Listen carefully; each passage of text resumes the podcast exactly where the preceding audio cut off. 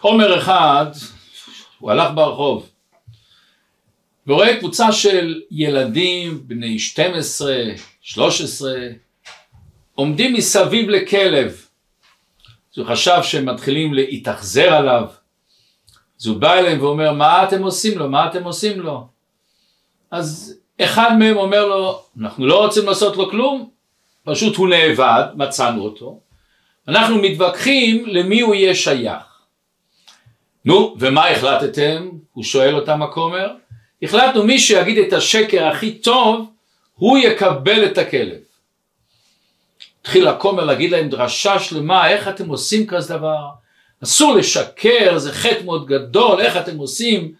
אני שהייתי בגילכם אף פעם לא אמרתי שקר. אותו הילד רואים עושה כזה קרחץ, אוי גוואלד, תנו לו את הכלב הזה, תנו לו את הכלב הזה, זה השקר הכי טוב. זה הכוח של שקר. ועוד סיפור יש, שפעם אחת הרב נעמד בבית כנסת ואומר לאנשים, בשבוע הבא אני הולך להגיד דרשה על האיסור של שקר ועל הזכות לומר את האמת. ואני מבקש מכולכם ללמוד פרק נ"א בספר בראשית, שאנחנו נלמד את הפרק הזה. בשבוע הבא בהתחלת הדרשה הרב אומר נו מי למד את הפרק נ"א בספר בראשית? היו כמה אנשים שהרימו את היד עם חיוך זוהר, כן אנחנו למדנו.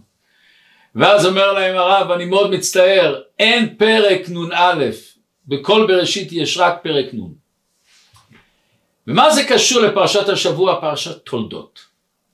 בפרשה שלנו התורה מספרת את הסיפור המפורסם, איך שיצחק רצה לברך את עשיו, ואיך שרבקה היא סידרה את העניינים ודחפה את יעקב לבוא להתחפש לעשו ולקבל את הברכות.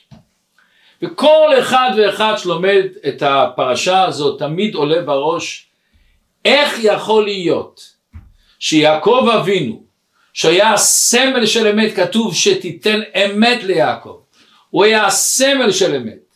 יעקב אבינו הוא זה שמשקר עוד יותר רבקה אימנו אחד מהאימהות הגדולות היא זאת שדחפה את יעקב בכל הכוח ללכת לעשות, לשקר, עוד את מי לשקר? את אבא שלך. עוד יותר שאלה רמב"ן, למה רבקה פשוט מאוד הייתה הולכת ליצחק, אומרת לו אני קיבלתי בנבואה שהברכות צריכות ללכת ליעקב ולא לעשו. למה היא לא פשוט דיברה עם בעלה בצורה פתוחה? ובעיקר השאלה, הרי התורה זה הוראה, התורה מורה לנו את הדרך. מה התורה מורה לנו פה, שצריך לשקר? שצריך ללכת בעורמה? אפילו עם כל הביאורים שזה לא, לא היה שקר, הוא אמר אנוכי, והוא התכוון על, על עיסה וכולי וכולי, אבל בטוח שיש פה איזה הערמה מסוימת. זה התורה אומרת לנו שזה מה שצריך לעשות יהודי. אז בואו היום נלמד קטע קטן מספר הזוהר הקדוש. וזוהר אנחנו יודעים כמו השם שלו זה זוהר, נותן לנו זוהר, מאיר אותנו, ובואו נראה איך הזוהר פותח לנו, מרים את המכסה העבה הזה לפרשה, ומראה לנו, לכל אחד ואחד מאיתנו, את הדרך איך לזכות בברכות של הקדוש ברוך. אז בואו נראה. אנחנו יודעים שהתחלת הבריאה הקדוש ברוך הוא ברא את העולם מושלם. שם את הבן אדם בגן עדן אמר לו אתה יכול לאכול מכל הפירות. כל המלאכים שימשו אותו היה מצב אידיאלי. ואז פתאום נכנס לתמונה הנחש. הנחש הזה שהוא היה שקרן והוא הלך לפתות את חווה בכל מיני דרכים והוא פיתה אותה שהיא תאכל מעץ הדעת שהשם אמר לעץ היחידי לא לאכול והיא נתנה את זה לאדם הראשון. ואז הקדוש ברוך הוא אמר בגלל שעשיתם את זה השם הוא כמו נתן להם קללה. והשם קילל גם את האדמה ארורה האדמה בעבורך כל ימי חייך וקוץ ודרדר תצמיח בא הזוהר ואומר, אנחנו יודעים שכל בן אדם בן אדם שהוא בא לעולם צריך להגיע לשלמות שלו. וזה אחד מהסודות של הזוהר ותורת הקבלה שיש תורת הגלגולים. זאת אומרת כל יהודי ויהודי צריך לקיים את כל המצוות את כל התחומים של עבודת השם. ואז השם אם הוא לא עשה את זה בזמן אחד מסוים בחיים שלו הוא מתגלגל שוב פעם בבן אדם אחר והוא עוד חלק משלים. וככה עוד בן אדם עד שהוא משלים.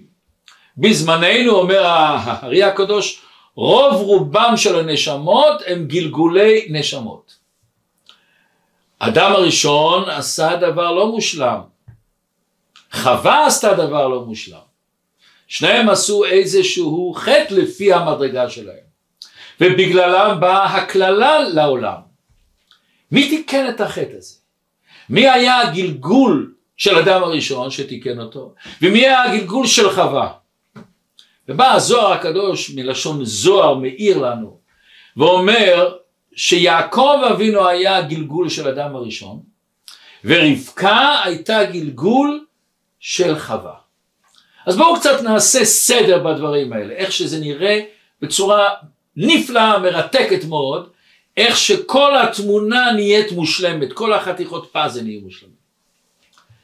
אחרי החטא שהאדם הראשון אכל מעץ הדעת, אז השם אומר לו כי שמעת לכל אשתך ותאכל מן העץ אשר ציוויתיך לאמור לא תאכל ממנו ארורה האדמה בעבורך.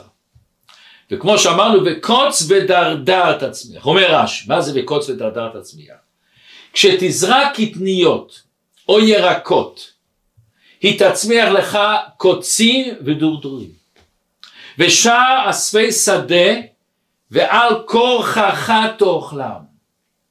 אתה תאכל את הקוצים האלה, את, ה, את כל העשבים האלה תאכל. ואומרת הגמרא במסכת פסחים שהאדם הראשון שמע את זה, התחיל לבכות, והוא אמר אני וחמורי נאכל באבוס אחד, אנחנו נהיה שווים? זה היה הקללה. איך תיקנו את הקללה? מי תיקן? אומר הזוהר, תיקן את זה יעקב אבינו.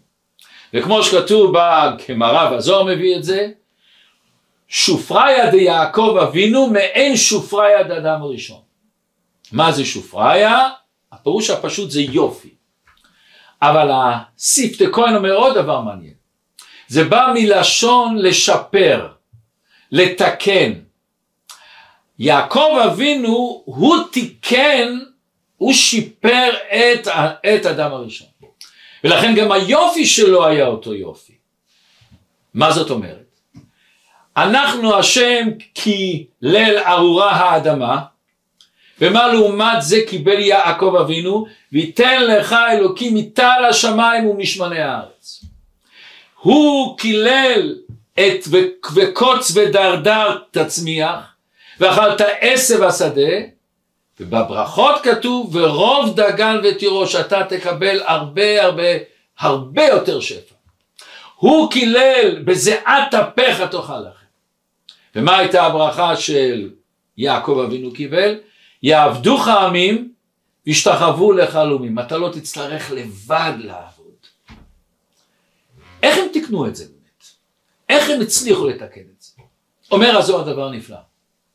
יש פסוק בספר תהילים פרק י"ח אם נבר תתברר ואם עיקש תתפתל זאת אומרת אם בן אדם שהוא לא ישר איתך תלך איתו גם ככה ואם בן אדם שהוא לא כמו בשפה עדינה עדין נפש גם אתה תלך איתי ככה ולכן כמו שהקללות באו בגלל שקר של הנחש הברכות מידה כנגד מידה גם באו בדרך של עורמה מסוימת. ובואו נראה למה באמת, ומה העניין בזה. איך עשה הנחש? הנחש כתוב שהוא היה שקרן, והוא פיתה את חווה, איך הוא אמר? בהתחלה הוא מתחיל לבוא אליה ואומר לה, אף כי אמר אלוקים לא תאכלו מכל העץ הגן? הרי השם אמר להם רק מעץ אחד.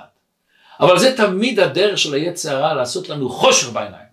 בשבת אסור לעשות שום דבר, אסור לעשות בשבת. אסור לאכול שום דבר. נכון שחווה אמרה לא נכון רק מעץ אחד אסור, אבל השטיפת מוח נכנסה. עוד נקודה, היא אמרה לו שאסור לאכול ואסור לגעת. אומר המדרש מה הוא עשה? דחפה עד שנגעה בו נגעה בעץ הדעת הזה הוא אמר לה את רואה לא קרה לך כלום את לא את חיה. ואז הוא אמר זה לא שהשם הבטיח לכם שתמותו פן אולי. ואדרבה הוא אומר והייתם כאלוקים יודעי טוב ורע ולא מותו מותו. הוא פיתה אותם. כתוב ראתה דבריו והאמינה לו. כך אומר המדרש. הוא כל כולו היה שקר מידה כנגד מידה, גם לקבל את הברכות בחזרה. לתקן את הקללות האלה צריך להיות גם בדרך של עורמה. בדרך של, שנראית כמו שקר. וזה נפלא מה שרבקה אומרת, עליי קללתך בני. הקללה, הוא אמר לה, הרי הוא יכול לקלל אותי, היא אמרה לו, לא, אל תפחד, מה, מה פשוט, אפשר לקבל את הקללה בחזרה? מה, מה זאת אומרת? אומר הזוהר ואומר הארי הקדוש. היא אומרת, אני באתי לתקן את חווה. מה היה החטא של חווה ומה היה החטא של אדם הראשון? כי שמעת לכל אשתך. אתה שמעת לחווה ולכן אדם ראשון אכל הדעת. מה התיקון? רבקה אומרת שמע בקולי. התיקון שלך לשמוע בקולי. וזה הפשט שהיא אומרת לו הקללה עליי, מה זה קללה עליי? הרי אני עשיתי את הקללה. כל המטרה שלי לתקן את הקללה הזאת שנוצרה בגללי. וזה אני צריכה לעשות. אבל פה יש הבדל עצום בין השקר של הנחש והעורמה של רבקה ויעקב. הנחש היה מהות שלו שקר. הוא עשה שקר בשביל שיישאר שקר. בשביל שהעולם יהיה עולם השקר. רבקה ויעקב, דבר ראשון הם לא שיקרו, מכיוון שהרי יעקב קנה את הבכורה מעשיו, אז באמת מגיע לו על פי ההלכה הבכורה, אבל מה שהוא עשה איזה עורמה זה בשביל שיצא האמת, בשביל שיצא הקדושה, לא שיישאר השקר. כמו שיש לנו הלכה שיש לפעמים אה, ניגוד בין, בין אמת ושלום, מותר לשנות מפני דרכי שלום, מותר להגיד לא מאה אחוז את האמת כמו שאנחנו מפורסם אהרון הכהן שראה שני אנשים מסורסכים אמר לכל אחד אוי כמה שאני מצטער ורוצה להשלים איתך ועד שהם השלימו. מה, מה כאן הנקודה? הנקודה היא הוא עשה, הוא שינה את הדברים אבל הוא שינה בשביל שהדברים יהיו כמו שצריך. אצל הנחש היה בדיוק הפוך, הוא המהות שלו היה שיישאר השקר, שיישאר השלילה. עשיו הוא הנחש. איך עשיו השיג את הבכורה? איך עשיו השיג יותר נכון את שיצחק רצה לברך אותו? הוא הלביש את עצמו כמו צדיק. איך שאומר המדרש, הוא בא ושאל אותו איך מעשרים את התבל? איך מעשרים את המלח? זאת אומרת, הוא בא ורצה להראות ליעקב בעורמה שהוא הצדיק. ועל פי הפשט הפשוט אנחנו לא נראה בפנימיות העניינים אולי זה בזמן אחר לכן יצחק רצה לברך אותו. בכדי לגמור את התמונה נראה עוד דבר מעניין מאוד. רבקה הלבישה ליעקב את הבגדים של עשיו. מי היה הבגדים האלה? אומר המדרש דבר נורא. אומר המדרש הבגדים האלה היה בגדים של, של אדם הראשון. כתוב ויעש השם אלוקים לאדם כותנות אור. מה הם כותנות אור? זה הבגדי כהונה, זה הבגדים של הבכורות. ואז אותם הבגדים שהשם הביא לאדם הראשון, הלכו לנוח ולשם ומסר את זה לאברהם, ואברהם ליצחק, יצחק מסר את זה לעשו מכיוון שהוא הבכור. מה קרה? תמיד שעשיו הלך לצוד ציד, הוא לבש איתו את הבגדים האלה, שזה ישמור עליו. באותו יום שיצחק אמר לו לך לצוד לי ציד ואני אתן לך את הברכה, הוא שכח את הבגדים האלה. שכח. תראו איזה השגחה פרטית. ואז רבקה לוקחת את הבגדים שבעצם עשיו נתן לה לשמור אותו ונותנת את הבגדים האלה של אדם הראשון ליעקב אבינו. תראו איזה יופי. יעקב הוא הגלגול של אדם הראשון, הוא מתקן את החטא של אדם הראשון, והוא כשהוא הולך לקבל את הברכות שהם בעצם מתקנים את הקללה שנוצר בגלל החטא של אדם הראשון, הוא לובש את הבגדים האלה של אדם הראשון. הוא הגלגול שלו, מגיע לו. הוא מקבל את זה. אבל אם זה לא מספיק, תראו עוד דבר נפלא. שכתוב בפסוק שהוא נכנס אל יצחק, וירח את ריח בגדיו ויברכהו. אומר רש"י, איזה ריח הוא הריח? אומר רש"י, הוא הריח ריח גן עדן. אני שואל אתכם שאלה. בוא נגיד שזה היה הבגדים של אדם הראשון, שנדבק בהם הריח גן עדן. עד אז נשאר ריח גן עדן, איך זה יכול להיות? כתוב בספרים הקדושים לא כתוב. הריח הזה כמו שהרש"י אומר זה היה בעצם משטף עיזים זה לא היה הריח הכי טוב. למה הם איבדו את הריח? שהם לא הגיעו לאדם הנכון. הם הגיעו לעשיו. אבל באותו רגע שהאבידה חזרה לאדם הראשון, ליעקב אבינו, שהוא הגלגול של אדם הראשון, אותם הבגדים פרחו להם, צמחו להם. ואז הריח, שכתוב שהריח זה ריח של חוש של נשמתי, פתאום צמח בהם. פתאום, פתאום זה העלה רוחות, פתאום זה בא בחזרה למה שהם באמת. אבל בואו נראה קצת עוד יותר עמוק, בפנימיות העניין. למה באמת צריך להיות מידה כנגד מידה? למה באמת בגלל שהקללות באו על ידי עורמה ושקר של הנחש, התיקון גם הוא. אז בפשטות אני אומר, שאם נבל אתה צריך לדבר בשפה שלו, מכיוון שאתה כאן היה כאן מלחמה עם עשיו, שהוא בעצם הנחש, אתה לוחם איתו באותו שפה, זה השפה שהוא מבין, אנחנו אומרים תמיד משוגע מבין את השפה של משוגע, גם למשוגע יש שכל שלו אלא מה? אתה צריך לדעת את השכל. יש כזה סיפור שפעם עמד משוגע על אחד הבתים בארצות הברית ואמר אני הולך להתאבד, אני הולך להתאבד, הביאו פסיכולוגים, הביאו פסיכיאטרים, קראו לאנשים חשובים, כולם ניסו לדבר איתו דרך מיקרופונים ורמקולים, שום דבר לא עזר. עובר משוגע, הוא רואה אסיפה שלי, מה קורה? אומר הוא רוצה לקפוץ, רוצה להתאבד. המשוגע הזה מוציא מהכיס שלו סכין גילוח. וכועס, וכועס ומסתכל עליו למעלה ואומר אם אתה לא יורד מיד למטה אני מגלח עם הסכין גילוח את הבית ואתה תיפול איתו ביחד. זה השפה של משוגע וזה הוא הבין הוא ירד מיד למטה. באה תורת החסידות, בא הזוהר הקדוש שמסביר הרבה הרבה יותר. יש פה סוד נפלא שמדבר לכל אחד ואחד מאיתנו בחיים שלנו. אבל בואו לפני זה נקדים מדרש. אומר המדרש ככה, כשנוח הכניס אל התיבה, אז כתוב הוא הכניס זוגות זוגות.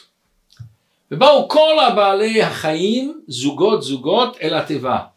למה? השם רצה הרי להציל את העולם. אז הבעלי חיים שהם היו בסדר, לא, אנחנו לא ניכנס לזה שהם לא עשו את העבירות, הם באו זוגות זוגות אל התיבה. ואז אומר המדרש, בא השקר ורצה להיכנס לתיבה. גם הוא רצה להינצל. שואל אותו נוח, מי הבת זוג שלך? מי הבת זוג שלך? אז אומר לי, הבת זוג שלי זה הפחתה. מה זה הפחתה? הכיליון, המצב של אבדון. זה הבת זוג שלי. בסדר? ואז הוא קורא אליה ורוצה להיכנס, ואומרת לו הפחתה הזה, הפחת, מלשון פחת, מלשון כיליון, שואלת אותו מה תיתן לי? אז אומר לה השקר אני אתן לך, כל מה שאני ארוויח אני נותן לך. וכל מה שהשקר מרוויח, לשקל אין רגליים. אז מה שאני אתן לך, הוא שייך לך, הוא נכנס לתיבה. ואחרי המבול, כשיצאו החוצה, והתחילו לחיות, אז בא השקר לבת זוג שלו, אומר, תראי לי כל מה שהרווחת, כל מה שהרווחנו, כל מה ששייך לי. אומר, אני לא, אני לא הבנתי, עשינו הסכם, כל מה ששלך עובר אליי ואתה הפסדת את הכל. וזה מה שכתוב במדרש, שלכן נוח הכניס את שתיהם. מה הסיפור הזה? סיפור משונה מאוד, מה, מה כאן רוצים להגיד לנו? שהשקר צריך להיכנס והוא צריך את הבת זוג, מה, מה, מה הסיפור כאן? מה העומק פה? כל דבר בעולם שהיה צריך להישאר, היה צריך להיכנס אל התיבה. המבול השמיד את כל העולם, וכתוב שהוא הוריד גם שלוש טפחים מהאדמה גם. השקר בא להיכנס אל התיבה, שקר אין לו צורך בעולם. הוא רק הרס. הוא לא יוצר שום דבר, הוא רק עושה בלגן והרס. אומר לו נוח, מי הבת זוג שלך?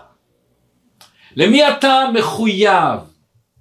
למי אתה נותן? למי אתה מעניק? מה אתה יוצר בעולם? הרי אתה החוט, אין לך חוט שדרה בכלל. אתה כולך הבל הבלים. כתוב לשקר אין לו רגליים, שהשין שכותבים בספר תורה זה עם שפיץ זה רגל אחת. הקוף גם עומד על רגל אחת. הריש גם עומד על רגל אחת. אין לו רגליים, הוא מיד שהוא עומד הוא נופל אחרי כמה זמן.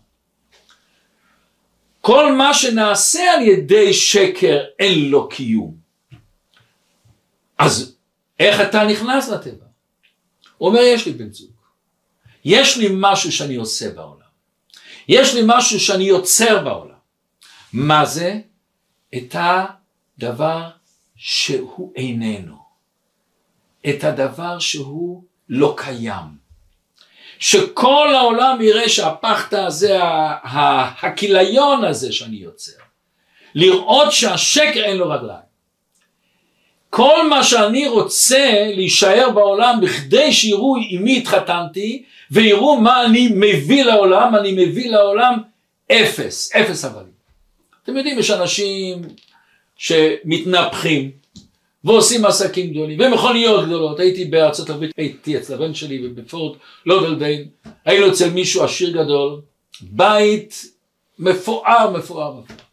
בחוץ עומדים 16 מכוניות שכל מכונית שווה הרבה הרבה כסף. יש שם מכוניות ששוות עוד יותר ממיליון דולר. אז הבן שלי אומר לי, תראה איזה יופי. אבל, הוא אומר, שום דבר לא שייך לו. הוא בעצם בפשיטת רגל. הכל הבנק לקח. למה הבנק לא מוכר? בגלל שהבנק לא רוצה לעשות לעצמו שם רע, שהוא נותן אשראי לכאלה אנשים שמאבדים את הכל. אז השקר הוא מתנפח, הוא גודל, הוא צומח, אבל פתאום אתה רואה ששום דבר לא נשאר. אבל אומר הקדוש ברוך הוא, לא ברא הקדוש ברוך הוא בעולם דבר אחד לבטלה אומרת הגמרא. גם השקר יש לו מטרה. אז הוא אומר מה? המטרה שלי הוא להראות שאני שקר. עכשיו נוכל להבין עוד יותר.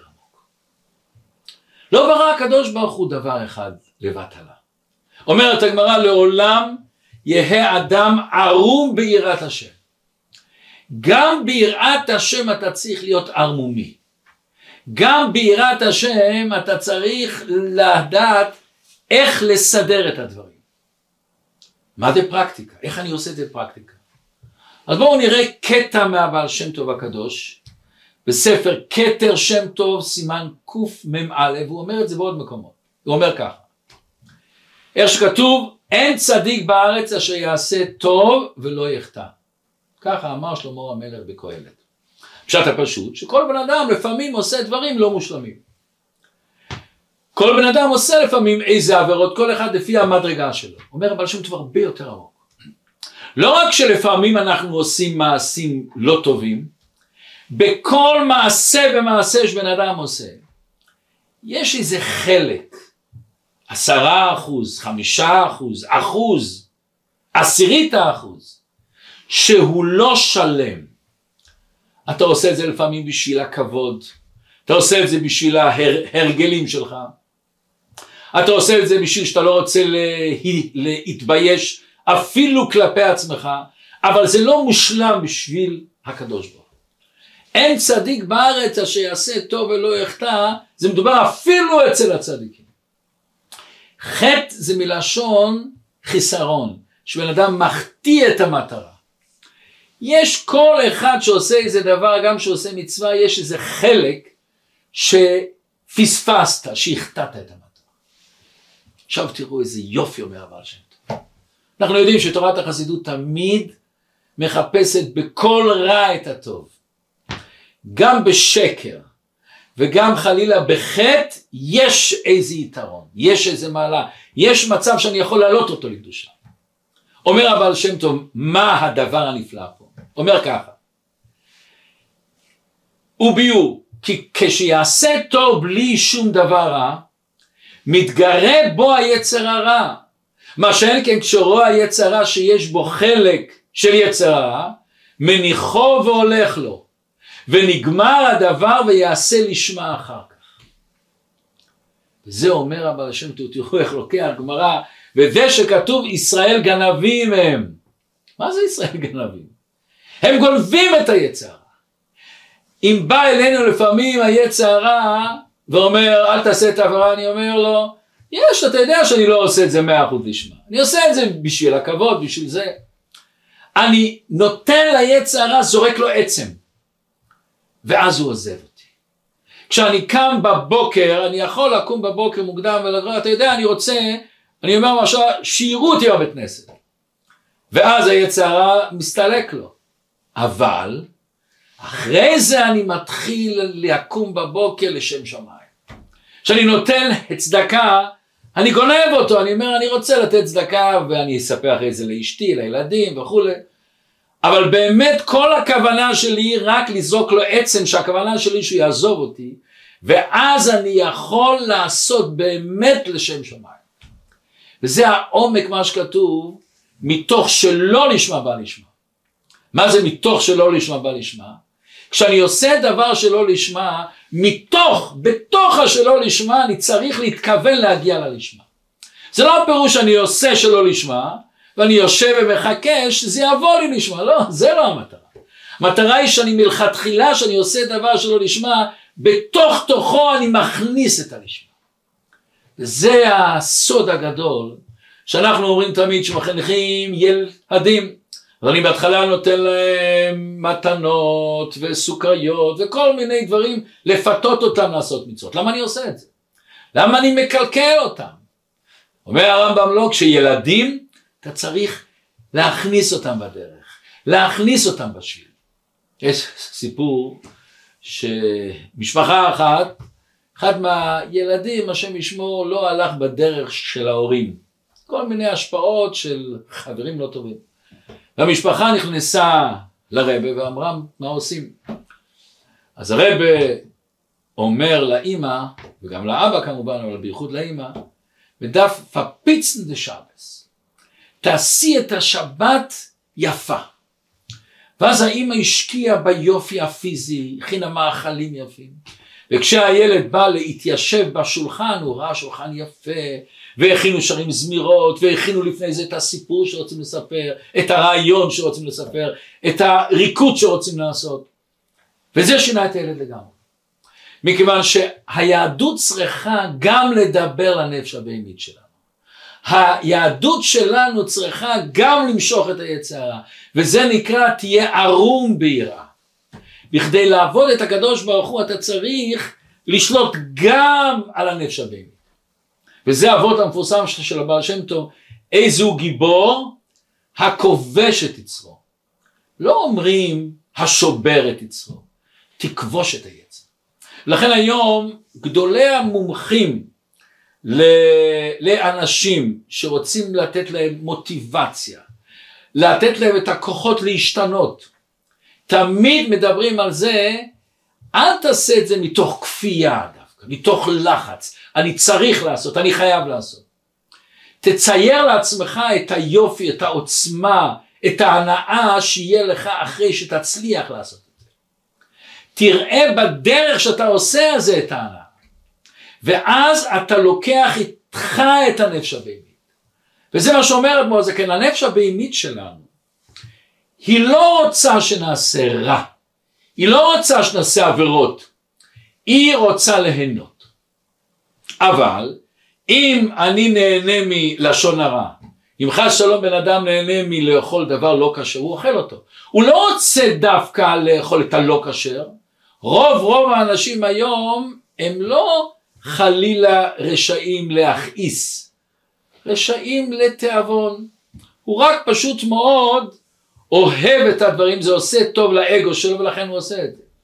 אבל יש לך את הכוח, תחפש לעצמך, תהיה ערום ביראה, תהיה יצירתי, לתת הסבר לנפש הבהמית כמה שהיא תהנה שהיא תהיה קשורה איתך, כמה שהיא תהנה שהיא תהיה איתך, תן לה את האינטרסים. וכאן באה הנקודה. זה הקדוש ברוך הוא לימד אותנו, בפרשה הזאת, שלפעמים בכדי להגיע לאמת שלך, אתה צריך ללכת בדרך שלכאורה נראית לא ישרה, אפילו כמו שאמרנו כאן, מגיע לו באמת על פי דין את הבכורה. אבל למה הוא עשה בדרך כזאת? ללמד אותנו את החוכמה הגדולה הזאת, שתמיד תהיה ערום, תמיד תגנוב את, את, את אותו הנפש הבאמין שלך.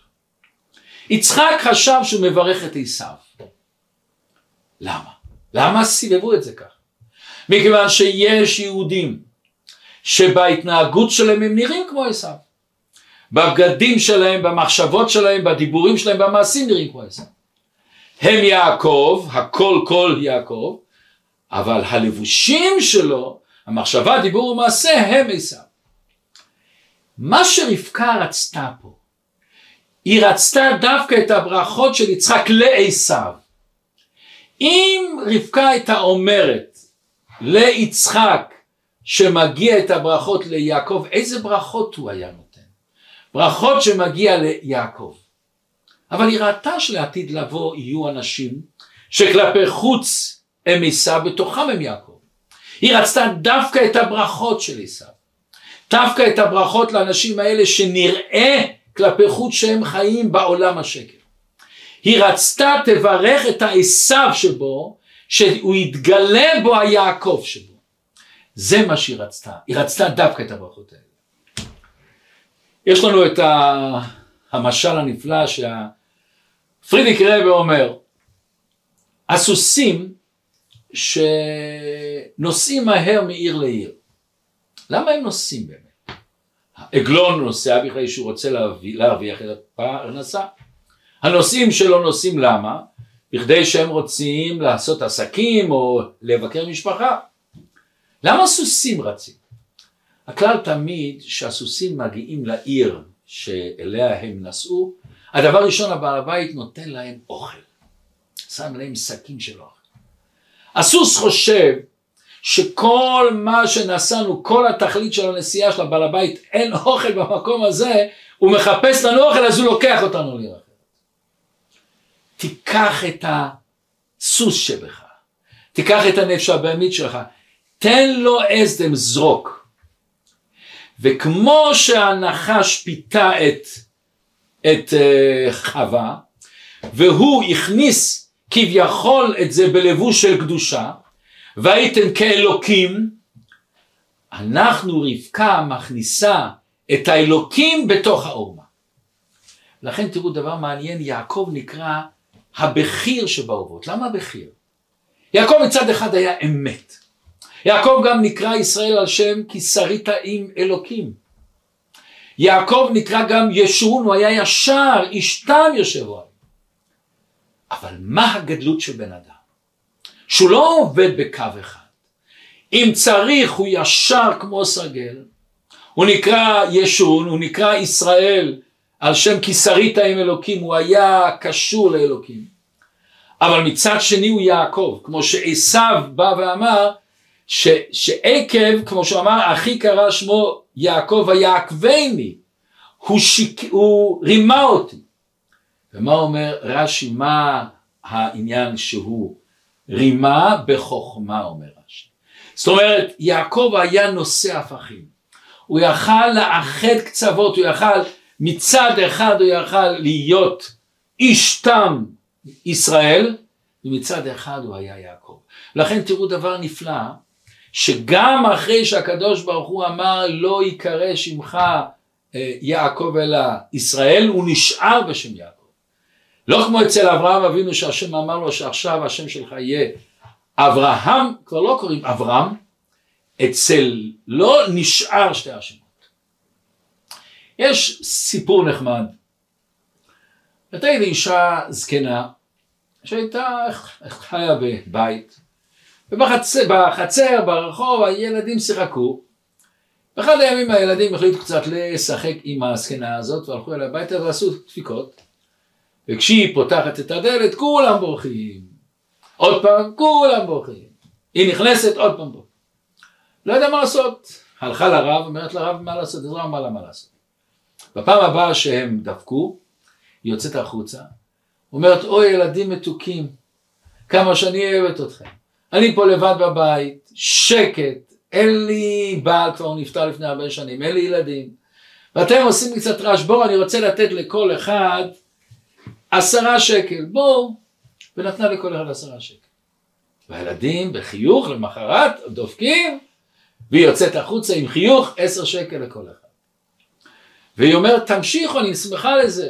עשה עוד יום עוד יום. אחרי כמה ימים היא אומרת אתם יודעים זה כבר עלה לי הרבה כסף. אני עכשיו מתחילה לחלק שבע שקל. אוקיי, שבע שקל. אחרי כמה ימים היא שוב פעם אומרת, לא, עכשיו אני... תמשיכו, תמשיכו, אבל אני משלמת לכם על זה. אני לא רוצה שתעבדו לבד, אני משלמת לכם, תיקחו חמש שקל. ואז היא הורידה לשקל, ואז הורידו לחצי שקל. כשאמרה להם אני מורידה לחצי שקל, וליאור, מה? בשביל חצי שקל נבוא ונדפוק בדלת בשום פנים. והסיפור נגמר. זה הכוח. תיקח איתך את הנפש הבאמת. תיקח בעורמה את הדברים. ומה זה אומר לנו? אומר לנו הרבה פעמים אנחנו אומרים, זה לא מתאים לי.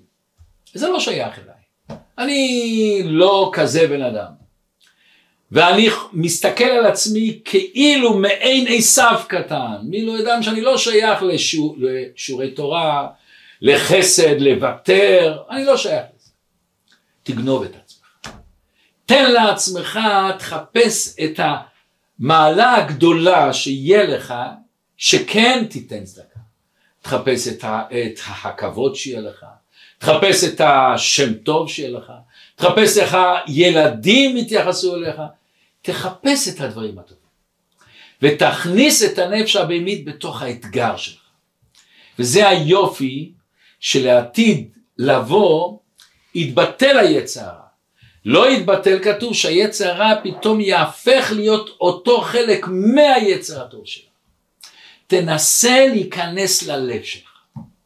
היה פעם אדם שנסע במכונית ונסע מאוד מהר ואחרי כמה זמן הוא עוצר אותו משטרה, עוצרת אותו משטרה ויוצא השוטר, יוצא מהמכונית שלו ובא לבן אדם, אומר לו תפתח את החלון, יצחק, שכן שלו בבית כנסת, אה, הוא היה שקט, הוא לא הייתה נקנס.